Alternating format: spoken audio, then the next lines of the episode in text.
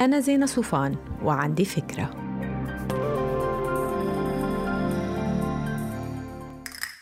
هاي بتحسوا كتير أمرار إنه ما عندكم الهمة للروحة على الشغل أو حتى للقومة من التخت أو الروحة على الجيم مش بس إنتو.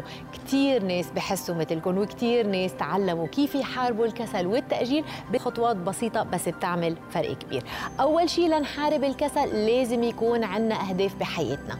يمكن إنه نوقف تدخين أو نضعف. يمكن إنه نصير رياضيين. يمكن إنه ناخذ شهادة بتفوق ونحصل على منحة. يمكن إنه ننجز مشروع بجودة استثنائية ونحصل على مكافأة بالعمل. لازم يكون عنا صورة لنفسنا بالمستقبل بتسعدنا. صورة بتمثل يمكن شكلنا أو أسلوب حياتنا أو محيطنا أو يمكن صورة جامعة لكل هاي الأشياء. كتير طبيعي إنه الإنسان بيحاول بدون قصد إنه يريح حاله. يعني ما في حدا بحب يوجعوا عضلاته أو يقطع نومه أو يحرم حاله من أطيب قطعة كيك بالعالم. في حدا بفضل الدرس على الفيسبوك أو الشغل على فيلم. لازم نعمل الربط بذهننا بين الفعل اللي عم نحاول نأجله ونتجنبه وبين الهدف النهائي. لما تجي لحظة الحقيقة يعني يرن المنبه أو نفتح الكمبيوتر بالشغل راح تبلش مواويل التأجيل تدور براسنا. ودايما الحل الخادع هو مش ضروري بلش هلأ أصلا أحسن الواحد يبلش يوم الأحد أو بعد الظهر أو بعد خمس دقايق.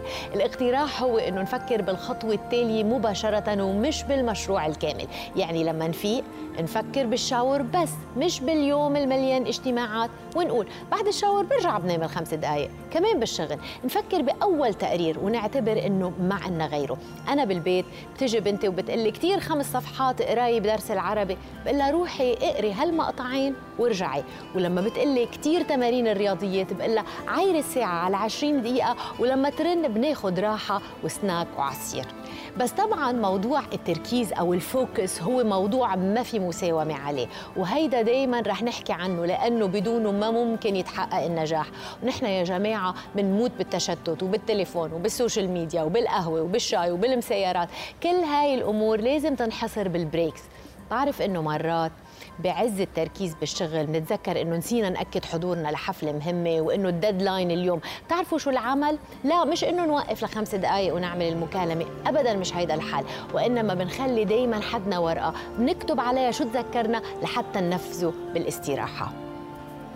وعلى فكرة الأبحاث بتقول إنه 50 دقيقة هي فترة مثالية للتركيز وإنه المخ بعدها بيحتاج لراحة ليشحن نفسه وإنه الناس اللي بياخدوا بين 10 دقايق وربع ساعة راحة بيرجعوا وبينجزوا أكثر من اللي بلشوا ساعة الشغل الثانية من دون استراحة. وكتير مهم إنه لما عقلنا يقلنا نأجل عمل اليوم للغد هو إنه نتخيل شعورنا كيف رح يكون لو خلصنا العمل اليوم وكيف شعورنا بأول الأسبوع بالشغل لو أنجزنا كل التخطيط أو ال forward planning له قبل ال weekend ما تنسوا تعملوا download للفكرة تعطوها rating وتساعدوني بنشرها. bye